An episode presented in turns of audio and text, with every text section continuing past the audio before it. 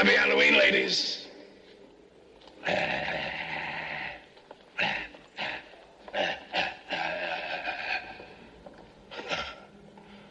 Nuns. No sense of humor.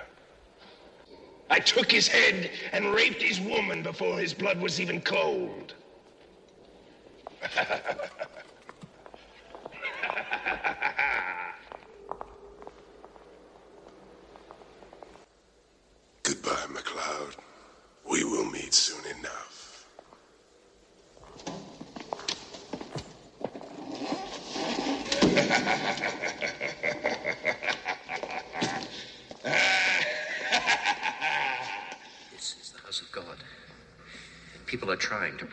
You're disturbing them.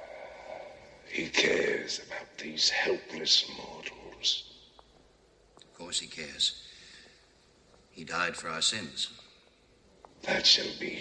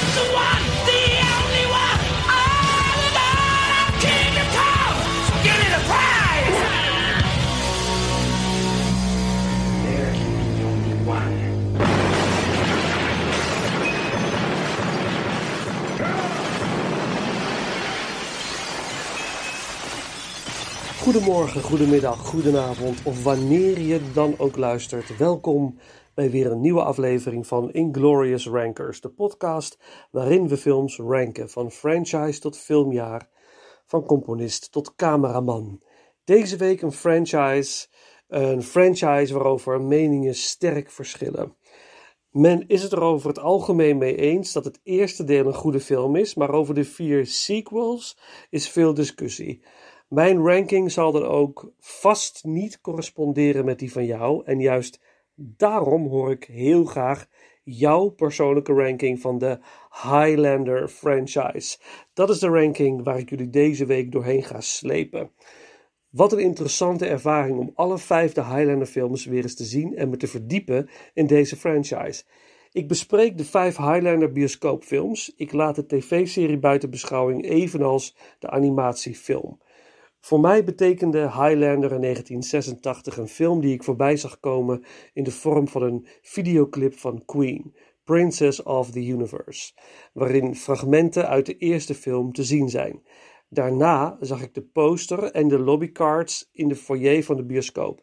Ik wilde erheen en er was sprake van dat ik er mogelijk heen zou gaan als tienjarig jongetje met mijn vader, maar helaas was hij uit de bioscoop verdwenen toen we wilden gaan.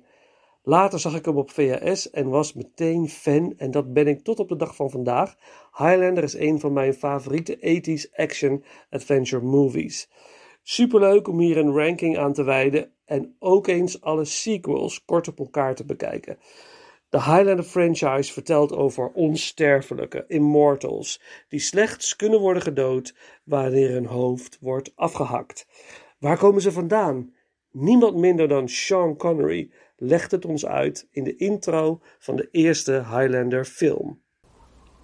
From the dawn of time we came, moving silently down through the centuries, living many secret lives, struggling to reach the time of the gathering, when the few who remain will battle to the last.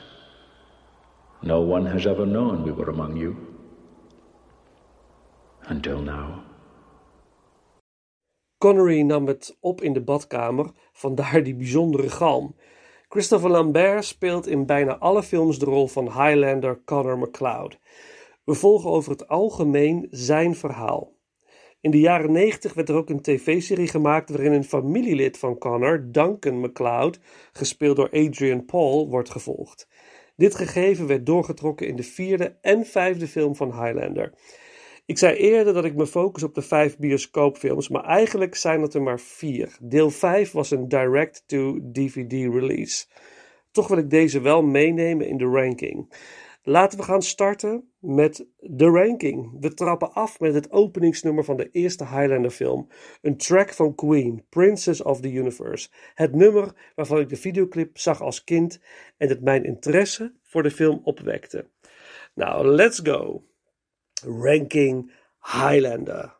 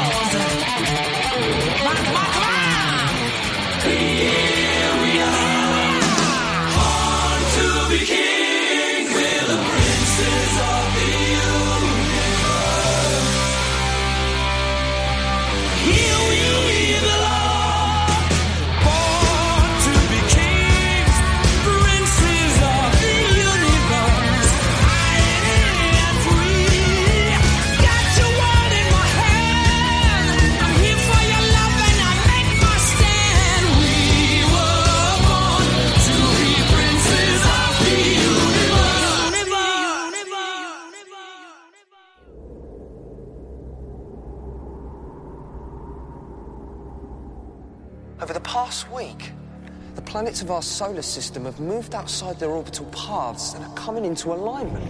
When that alignment is complete, the Earth is going to be bombarded with cosmic radiation.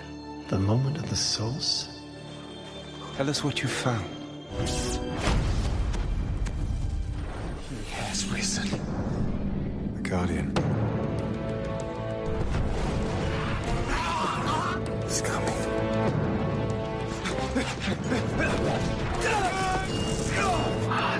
There can be only one. The Guardian is awake. Find McLeod. I am Duncan MacLeod of the Clan MacLeod. Mythos and others are looking for the source. You can join them and find out what it's about and see what it has to do with Anna. How can we know we're going to get to the source anyway? Maybe the Guardian will kill us before we reach it. That's if we don't all kill each other first. No, this is what we do. I was chosen for this. And so were you.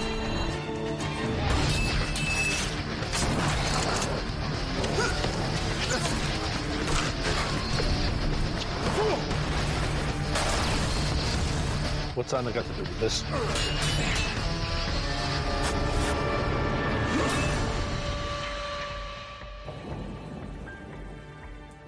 Je hebt van die films die zo slecht zijn dat ze weer ontzettend leuk worden om naar te kijken.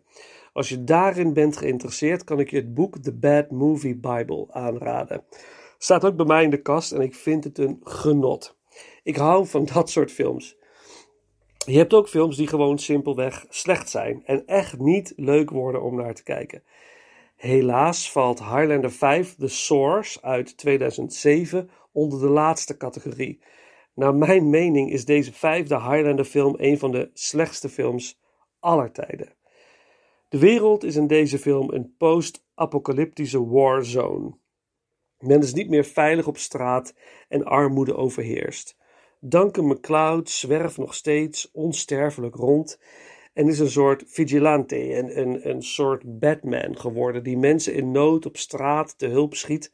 En hij treurt om een verloren liefde, Anna, gespeeld door onze eigen Nederlandse Tekla Reuten. Ja, ja.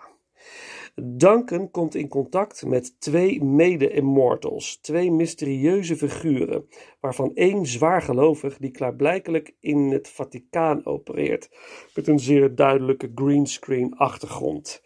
Zucht. Zij gaan op zoek naar de source, de bron, het ontstaan van de immortals, de plek waar ze vandaan komen. De plek wordt echter bewaakt door The Guardian, gespeeld door Christian Salameno. Een levensgevaarlijke immortal die ook nog een zieke en best vermakelijk gevoel voor humor heeft. Uiteindelijk bij de bron ontstaat er een final confrontation die zijn weerga qua slechtheid niet kent. Tja, Highlander 5 The Source. Oorspronkelijk kwam schrijver Peter Briggs met een eerste idee voor een deel 5 van Highlander. Hij zag alle vier de vorige films opnieuw, evenals de tv-serie, en werd vervolgens lid van een Highlander forum op highlander-community.com en onderzocht daar wat fans zochten in een sequel. Hij schreef een concept, maar werd afgewezen. Mogelijk speelde Briggs versie zich af in Afrika. Veel is er verder niet over bekend. Uiteindelijk was het Mark Bradley die het script afleverde voor dit debakel. De regisseur van de eerste twee films, Russell Mulcahy, werd benaderd om het vijfde deel te regisseren. Hij had echter ook andere ideeën voor deze film. Hij wilde er een prequel van maken, een film die zich honderden jaren voor het eerste deel zou afspelen. De studio wilde echter wat anders en Mulcahy besloot zich terug te trekken.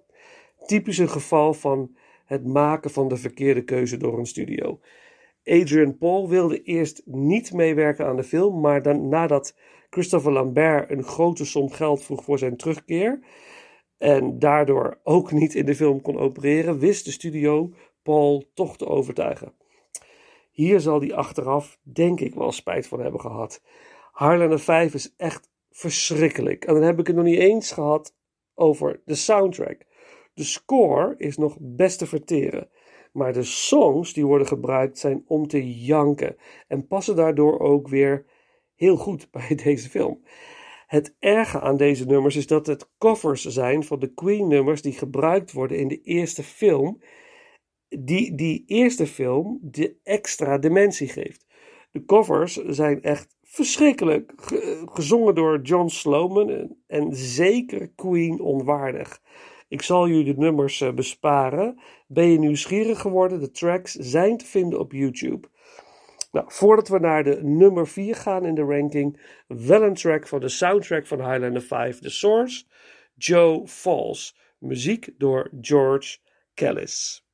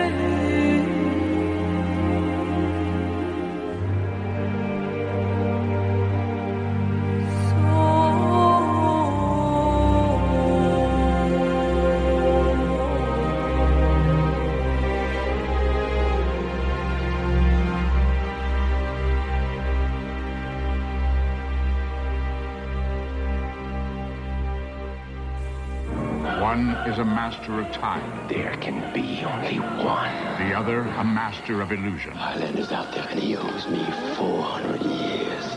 Two supernatural forces from the past are about to wage war in the present. On Friday, January 27th, take the journey. Highlander, The Final Dimension, rated PG 13, starts January 27th at theaters everywhere. Op dit moment zullen veel rankings gaan verschillen. Mijn nummer 4 is de derde Highlander film. Highlander 3, The Final Dimension. Of Highlander 3, The Sorcerer. Of Highlander 3, The Magician. Of Highlander 3, The Final Conflict. Pick one, zou ik zeggen. Op verschillende plekken in de wereld werd de film onder een andere titel uitgebracht. Voor velen is deze film een verademing na het bizarre vervolg, Highlander 2 The Quickening. Highlander 3 voelt meer aan als een vervolg dan de tweede film. Toch vind ik de film, hoewel het zijn momenten heeft, geen fijne kijkervaring. Ze proberen toch iets meer te doen met het gegeven en brengen er magie in. Maar het weet mij niet te boeien. De film is kwalitatief veel en veel beter dan deel 5 The Source, maar de film pakt me niet. We krijgen weer een introductie over wie en waar we mee te maken hebben. En deze keer door Christopher Lambert himself, die in deze, rol, deze film de rol van Conor McCloud weer op zich neemt. Laten we even luisteren naar die introductie. From the dawn of time we came, moving silently among you, down through the centuries. Immortals. I'm Connor McLeod of the Clan McLeod, the Highlander. After the death of my friend Ramirez.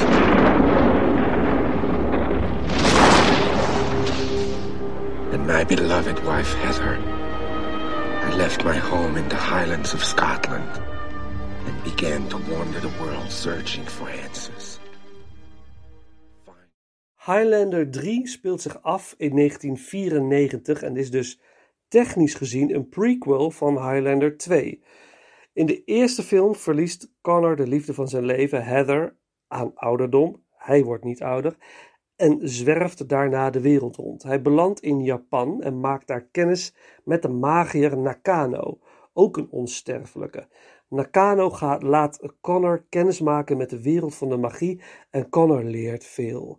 Op een dag valt de moordlustige onsterfelijke magier Kane de grot binnen van Nakano en begint een gevecht. Hij doodt Nakano en gaat ook het gevecht aan met Connor, maar door de zogenaamde quickening, een soort energie die door bliksemschichten de winnende onsterfelijke sterker maken, zorgt ervoor dat de grot instort. Connor weet te ontsnappen, maar Kane komt vast te zitten en eeuwenlang wacht hij op vrijlating. In 1994 gebeurt dat. Hij gaat onmiddellijk op zoek naar Connor, want op een of andere manier weet hij dat Connor de prize heeft. De laatste onsterfelijke op aarde, de prize, het vermogen oud te worden en te sterven. There can be only one is het credo en nu Kane is ontsnapt, betekent het dat er twee zijn en zal Connor opnieuw de strijd aan moeten gaan. Highlander 3 brengt voor de derde keer Christopher Lambert terug als Connor McCloud en hij doet dat op de vertrouwde Christopher Lambert way. En ik moet toegeven dat ik een liefhebber ben van de stijl van Christopher Lambert. Hij heeft tal van B, straight-to-video en DVD-films gemaakt. En daarvan zijn er zijn echt wel, veel daarvan zijn echt wel de moeite waard. Hij heeft zichzelf natuurlijk echt onsterfelijk gemaakt met zijn rol als Tarzan in Greystoke, The Legend of Tarzan, Lord of the Apes. Een film die zeker nog eens in een aflevering terug gaat komen. En letterlijk en figuurlijk natuurlijk als Connor McCloud in de eerste Highlander film. The bad guy Kane wordt vertolkt door Mario Van Peebles. Van Peebles speelde samen met Lambert in de film Gunman. De twee hadden zo'n goede tijd samen op de set van de film dat Lambert hem voordroeg om de bad guy te spelen in deze derde Highlander film.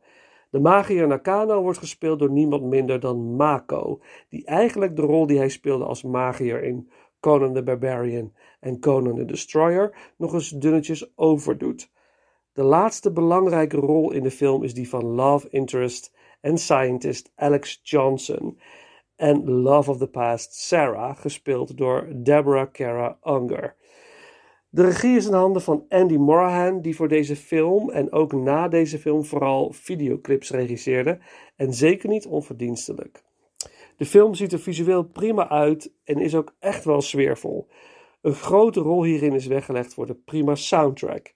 De regisseur had veel samengewerkt met Guns N' Roses en wilde de band graag hebben als aanvulling op de score door J. Peter Robinson. Net als Queen dat was voor Michael Kamen voor de soundtrack van de eerste film. Axl Rose, uh, zanger van Guns N' Roses, wilde het alleen maar doen wanneer Mario van Peebles niet zou worden gecast als Kane. Dit feest ging niet door, waardoor Guns N' Roses niets met het project te maken wilde hebben. Waarom blijft tot op de dag van vandaag een grote vraag. Ondanks dat is de soundtrack van Highlander 3 echt wel de moeite waard. Vooral de bijdrage van de zangeres Lorena McKennitt, die de film bij bepaalde scènes dat Schotse Highlander gevoel geeft. Voordat we naar de nummer 3 gaan, de track Bunny Portmore te horen in Highlander 3 door Lorena McKennitt.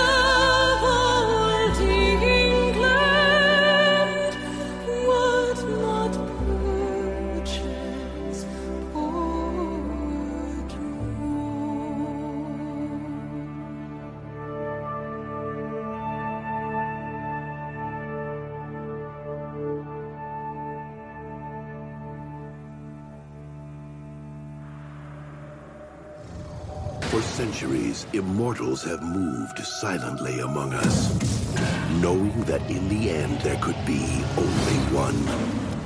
But now, in this world, in this time, I don't care about the game. I don't care about the rules. a supernatural enemy has grown too strong for any immortal to face alone. He surrounded himself by immortals loyal only to him. There has never been a more powerful immortal. They're the worst. What has always been a fight for one Neither one of us can beat him alone. has now become a battle two must face. You and Connor are like brothers. Together.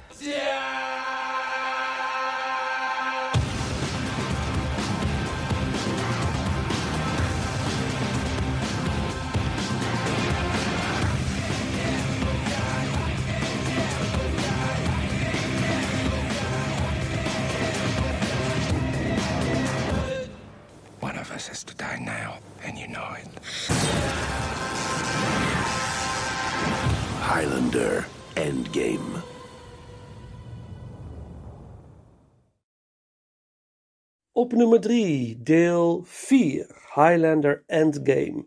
Na het succes van de Highlander TV-serie was het een bijna logisch gevolg dat er een nieuwe bioscoopfilm zou verschijnen. En zou het niet mooi zijn als de Highlander uit de films, Christopher Lambert, en de Highlander uit de TV-serie Adrian Paul het scherm met elkaar zouden delen. En zo geschiedde. In Highlander Endgame worden de twee werelden samengebracht. In deze vierde Highlander-film is er sprake van een sanctuary, een plek waar onsterfelijken kunnen vluchten van alle ellende die het leven van een onsterfelijke met zich meebrengt. Hier kiest Connor voor aan het begin van de film wanneer hij zijn soort van geliefde Rachel, een kind, nu inmiddels een wat oudere dame, die hij in de Tweede Wereldoorlog heeft gered uit de klauwen van de nazi's, zie deel 1. Uh, hij ziet haar door een explosie om het leven komen. Er wordt een aanslag gepleegd op het huis van Connor, waar Rachel op dat moment is. De sanctuary bevindt zich op heilige grond en hier mag er niet door onsterfelijke worden gevochten. Dat is nou eenmaal een regel. Nu is er een onsterfelijke, Jacob Kell, die het gemunt heeft op Connor voor iets wat in een ver verleden is gebeurd. Hij bestormt de sanctuary en doodt alle onsterfelijke die er zijn, maar op miraculeuze wijze overleeft Connor. Wat ik vreemd vond, is dat er ineens zoveel onsterfelijke zijn. Er wordt steeds beweerd, there can be only one. En aan het einde van deel 1, spoiler alert, krijgt Connor de prize omdat hij de enige is die over is van alle onsterfelijke. Maar ja, voor een prettige kijkervaring laten we het maar accepteren. Of is het ook een prequel? Nee, dat kan weer niet, want Rachel was zeker niet dood aan het einde van deel 1. Hmm, ja. Oké, ook Duncan MacLeod krijgt te maken met de bende van Kel. Ook lid van de bende is een oude liefde van Duncan. ja, weer een oude liefde van lang geleden. Kate, die door Duncan tegen haar wil onsterfelijk werd gemaakt, eeuwen geleden. Nu hebben Connor en Duncan, die ook nog eens eeuwenlang related zijn, de mogelijkheid om het samen op te nemen tegen Jacob Kell. Let the endgame begin. Ik doe er wat flauw over, maar dat, dat word je ook als je deze franchise in zijn geheel binnen een korte periode bekijkt.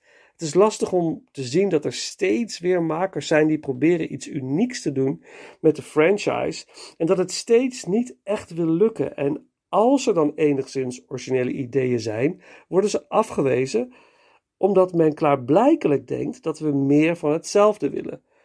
Mogelijk heeft dat te maken met het grandioos floppen van de tweede Highlander film, een film die het waagde iets totaal anders te doen met de franchise, maar uiteraard straks meer daarover.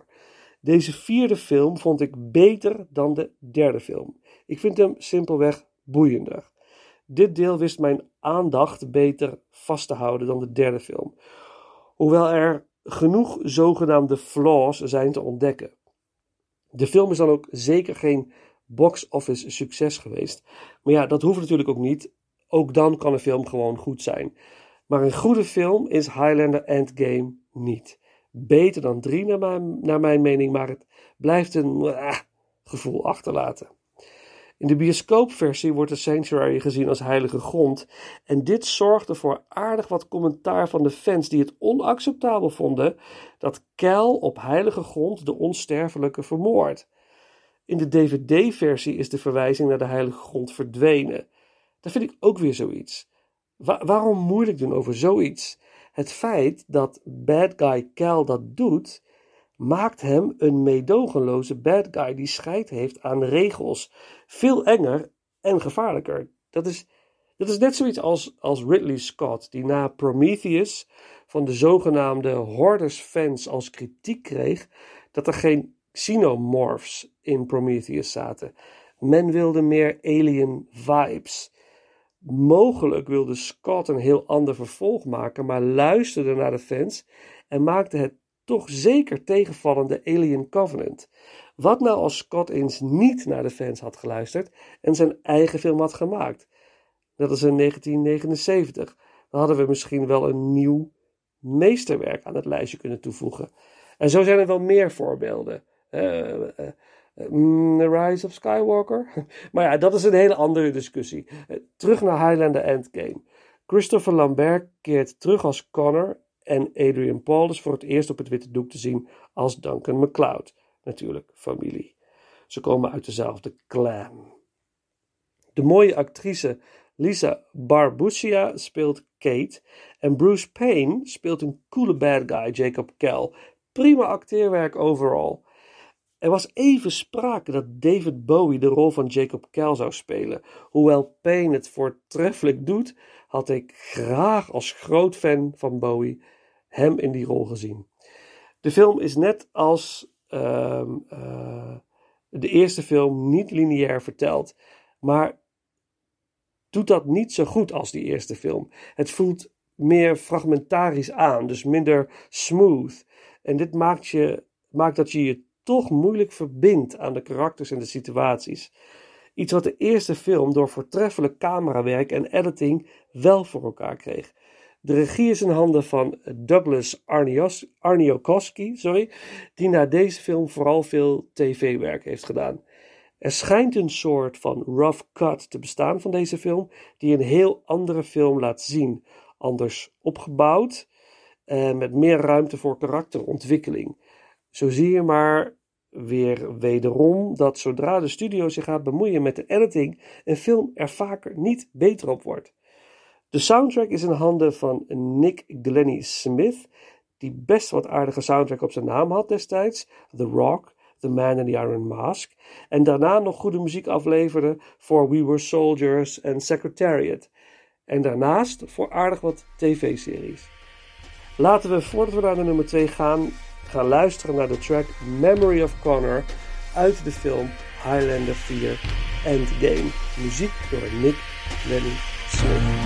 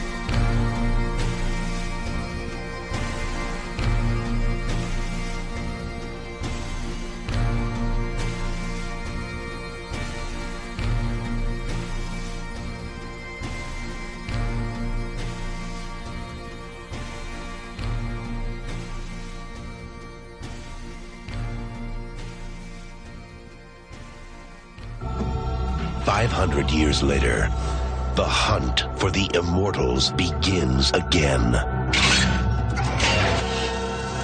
Greetings, Highlander. You called?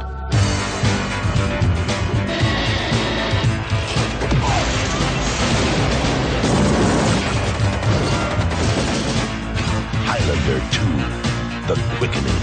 Let's have some fun. Rated R. Now playing at a theater near you. Op nummer 2, misschien wel een van de meest gehate sequels uit de filmgeschiedenis. En ja, ja, hij staat bij mij op nummer 2. Ja, kom maar op. Ik kan me voorstellen dat heel veel mensen deze film vreselijk vinden. En dat is hij ook, als je een tweede versie van de eerste Highlander verwacht of daarop hoopt. Want dat is deze tweede Highlander film absoluut niet. Deze film durft alles overhoop te gooien en je te dwingen met een open mind naar iets nieuws te kijken. Ik moet hierbij ook wel iets bekennen hoor. Als het hier zou gaan om de bioscoopversie, dan zou de film mogelijk op de vierde of zelfs vijfde plaats staan. Maar ik hou het bij de director's cut van de film. Veel van de belachelijkheden worden overboord gegooid in die versie en de film krijgt een meer samenhangend gevoel. Dus mensen, als je alleen de bioscoopversie hebt gezien, geef dan de director's cut een kans. Deze Highlander film kan ik meerdere malen kijken. Ik hou van de sfeer, het feit dat het compleet anders is. Ik hou van de absurditeit, het bombastische verhaal, de bombastische karakters, de weergaloze sets en de heftige soundtrack. De film is uitgebracht in 1991 en speelt zich af in het jaar 2024. Omdat Connor de prize heeft gewonnen in de eerste film, is hij nu een oude man. Hij heeft al iets goeds gedaan voor de wereld, of niet. Hij heeft een schild uh, om de wereld laten bouwen. Vanwege het verdwijnen van de ozonlaag. Ja, ik weet het, het is allemaal heel ver gezocht. Hij was daardoor geliefd, maar dat is veranderd omdat het leven op aarde er niet bepaald beter op is geworden. Dan doet de bioscoopversie iets vreemds. Iets dat ze niet hadden moeten doen. We schakelen ineens over naar een verre planeet, Zeist. Zeist, precies zo geschreven als de gemeente dicht bij Utrecht. De onsterfelijke blijken ineens daar vandaan te komen en een ervan komt naar de aarde, de onsterfelijke Katana, om af te rekenen met Connor om een of andere oude veten. Hij neemt wat hulp onsterfelijke mee, waar Connor mee afrekent, de quickening krijgt en opnieuw onsterfelijk en jong wordt, omdat hij niet meer de enige is. Dat klinkt echt weird en dat, dat is het ook. In de director's cut is er gelukkig geen sprake van een andere planeet, maar nu kennen Katana en Connor elkaar van een ver verleden. Samen met zijn vriend Ramirez, opnieuw gespeeld door Sean Connery, wordt hij verbannen en naar de toekomst gezonden. Ja, ze kunnen wel tijdreizen. Uh, ook al uh, in deze versie reist Katana ook naar de toekomst om de veten met Connor uit te vechten. Connor roept de hulp in van Ramirez, die op een of andere manier uit de dood herrijst en komt helpen daar is wel een, wel een theorie voor in de film hoor. Dus, daarnaast is er ook nog een subplot van een groepje vrijheidsstrijders. Waarbij zich de love interest voor Connor bevindt. Die de laag om de aarde wil laten verdwijnen. Omdat ze ervan overtuigd zijn dat het kan. Het is bijna allemaal niet uit te leggen. Dit is een film die, die je eigenlijk moet ervaren. Ik hou ervan. Om redenen al eerder genoemd. De regie is in handen van Russell Mulcahy, die ook de eerste film regisseerde. En natuurlijk zien we Christopher Lambert als Connor McLeod, Sean Connery als Ramirez, Virginia Madsen als love interest Louise en niemand minder dan Michael Ironside als bad guy Katana. Heerlijk over de top. Geweldig. Ik denk dat weinigen van jullie iemand zo enthousiast hebben horen spreken over Highlander 2 The Quickening. Laat mij dan de eerste zijn. Misschien there can be only one. Ik weet het niet. De film is ook terug te vinden in de Bad Movie Bible, maar voor mij is het niet één film die uh, zo slecht dat die goed wordt. Film. Ik vind het een prima film. Heerlijk bizar. En godzijdank geen herhaling van deel 1. Dat hebben ze geprobeerd in bijna alle vervolgfilms en zie het resultaat. Er komt trouwens een reboot prequel van Highlander aan, on, uh, onder regie van John Wick regisseur Chad Stahelski en uh, Henry Cavill mogelijk als de Highlander. Dat kan nog wel eens wat worden. De acteurs kregen voor deze tweede Highlander film een aanzienlijk bedrag en dat trok ze over de streep. Het oorspronkelijke idee van Mulcahy viel bij de acteurs in de smaak, maar de herschreven versie met de planeet Zeist veroorzaakte walging. Ze deden het vervolgens om het geld. Russell Mulcahy haatte de bioscoopversie zo erg dat hij de première verliet nadat hij vijf minuten van de film met publiek had bijgewoond. Omdat Mulcahy zich niet kon vinden in het herschreven script, was het voor hem heel lastig de film überhaupt af te maken. Hij heeft zelfs geprobeerd zijn naam op de credits te veranderen naar Alan Smithy. Daarom mensen zeg ik, kijk de director's cut. De film is voor het grootste deel opgenomen in Argentinië. En door inflatie kreeg de verzekeringsmaatschappij betrokken bij de film ook een creatieve vinger in de pap. Dit zorgde natuurlijk ook mede voor het rommeltje dat de film werd. Gelukkig heeft Mulcahy zijn eigen versie alsnog kunnen editen en deze kwam tezamen met de bioscoopversie uit op VHS. Maar het kwaad was al geschied en de film zou vanaf dat moment bekend staan als de slechtste Highlander film. Maar not for me. Tenminste, als we het hebben over de director's cut. Nu op naar de nummer 1. Maar eerst natuurlijk wat muziek uit Highlander 2 The Quickening. Muziek in niemand in de handen van niemand minder dan Stuart Copeland. De track Birdflight. En dan naar de nummer 1.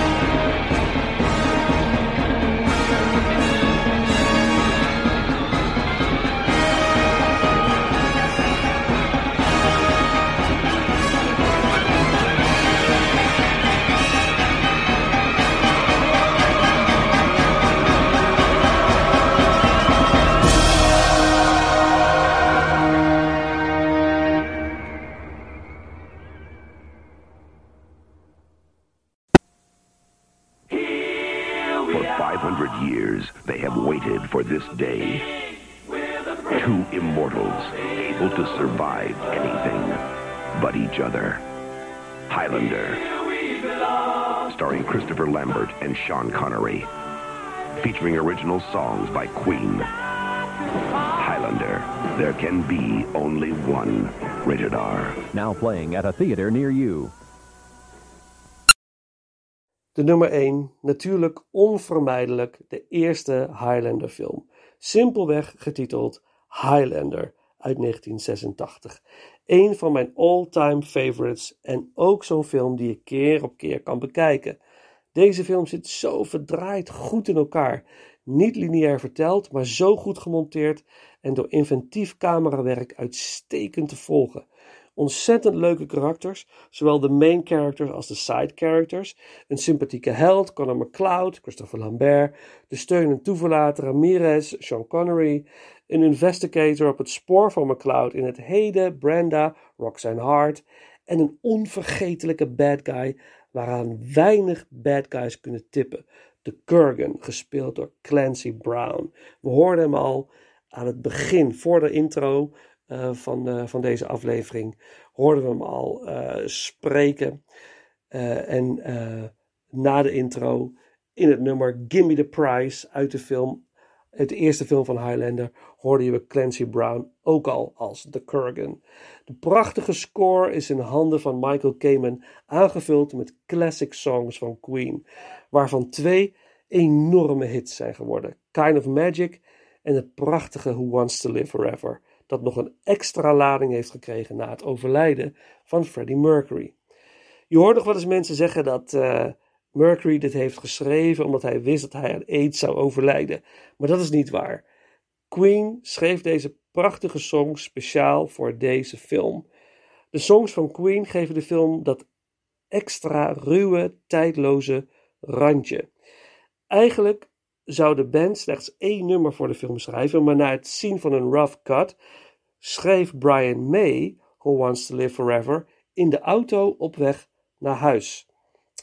Natuurlijk mogen we dat nummer niet overslaan. Ook prachtig gebruikt in de film wanneer Connor zijn grote liefde verliest. Zij sterft aan ouderdom en Connor leeft voor altijd jong voort, aangezien hij onsterfelijk is. Who Wants to Live Forever door Queen.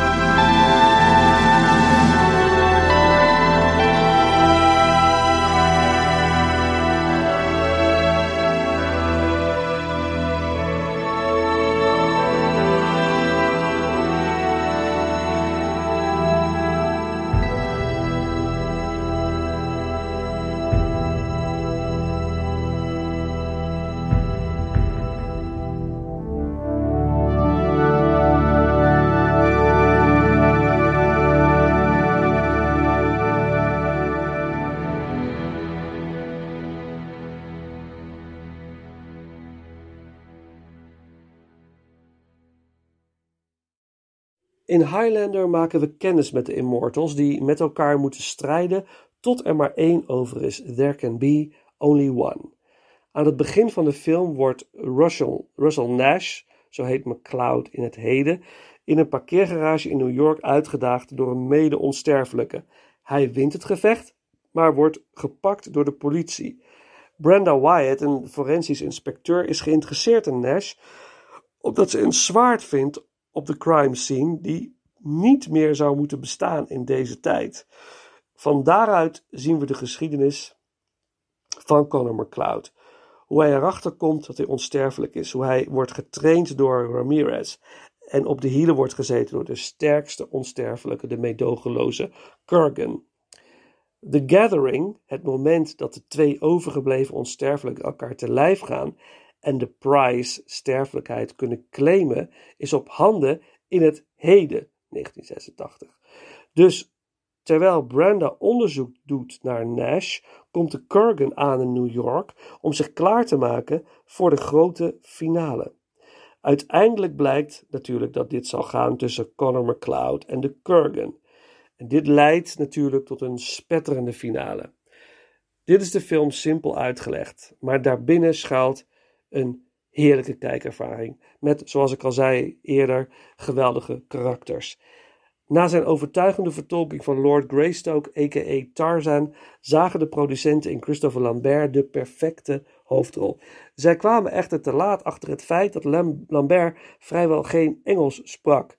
Er werd een taalcoach opgezet en uiteindelijk overtuigd Lambert zeker met zijn Schotse accent en is met zijn accent in het heden toch een beetje off. Maar dat is juist weer geloofwaardig, omdat hij honderden jaren overal ter wereld heeft geleefd. Highlander werd geen succes in de bios, maar werd een cult classic na release op VHS. Het verhaal werd geschreven door Gregory Wyden en hij kwam op, kwam op het idee door, tijdens een reis door Engeland. Peter Belworth en Larry Ferguson schreven het script en brachten her en der veranderingen aan uh, aan het verhaal van Wyden om het serieuze wat hij erin schreef wat luchtiger te maken. En dat heeft de film uiteindelijk wel goed gedaan. Als regisseur werd Russell Mulcahy gevraagd. Mulcahy stond op dat moment bekend als regisseur van de beste videoclips uit de jaren 80 tot dusver. Zijn inventiviteit en creativiteit zorgen ervoor dat Highlander er niet alleen prachtig uitziet, maar ook uh, voor de overtuigende manier van vertelling van het verhaal door geweldig camerawerk en montage. De muziek is van Michael Kamen, die daarvoor een geweldige soundtrack afleverde voor Brazil en na Highlander nog veel meer onvergetelijke soundtracks produceerde, om er maar een paar te noemen: Lethal Weapon, Die Hard, License to Kill, Robin Hood, Prince of Thieves en de eerste X-Men film. Laten we gaan luisteren naar een geweldige track van de soundtrack van de Highlander. Het moment dat Ramirez Conor McCloud traint in de sword fighting skills. Het nummer heet dan ook simpelweg Training door Michael Kamen.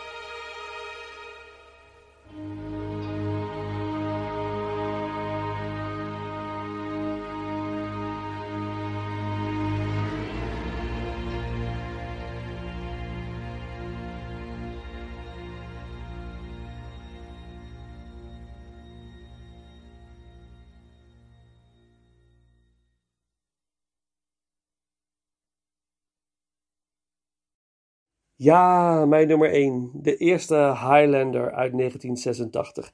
Heb je de film nog niet eerder gezien? Wacht dan niet langer.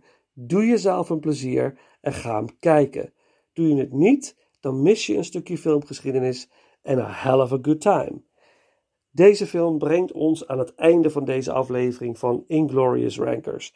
Natuurlijk ben ik heel benieuwd naar jouw Highlander ranking en ik ben benieuwd of er nog iemand is die Highlander 2 op de tweede plaats heeft staan. Deel het met me via de bekende social media kanalen en ik neem het mee naar de volgende aflevering. Volgende week deel 1 van Ranking Mafia Movies. Een ranking die ik heb opgenomen samen met acteur, regisseur en filmmaker Dirk Gunther Moor. Ik hoop dat jullie weer hebben genoten van deze aflevering. We sluiten af met een nummer van Queen, gebruikt in de film Highlander, de filmversie van het nummer A Kind of Magic. Beste mensen, bedankt voor het luisteren en tot de volgende ronde.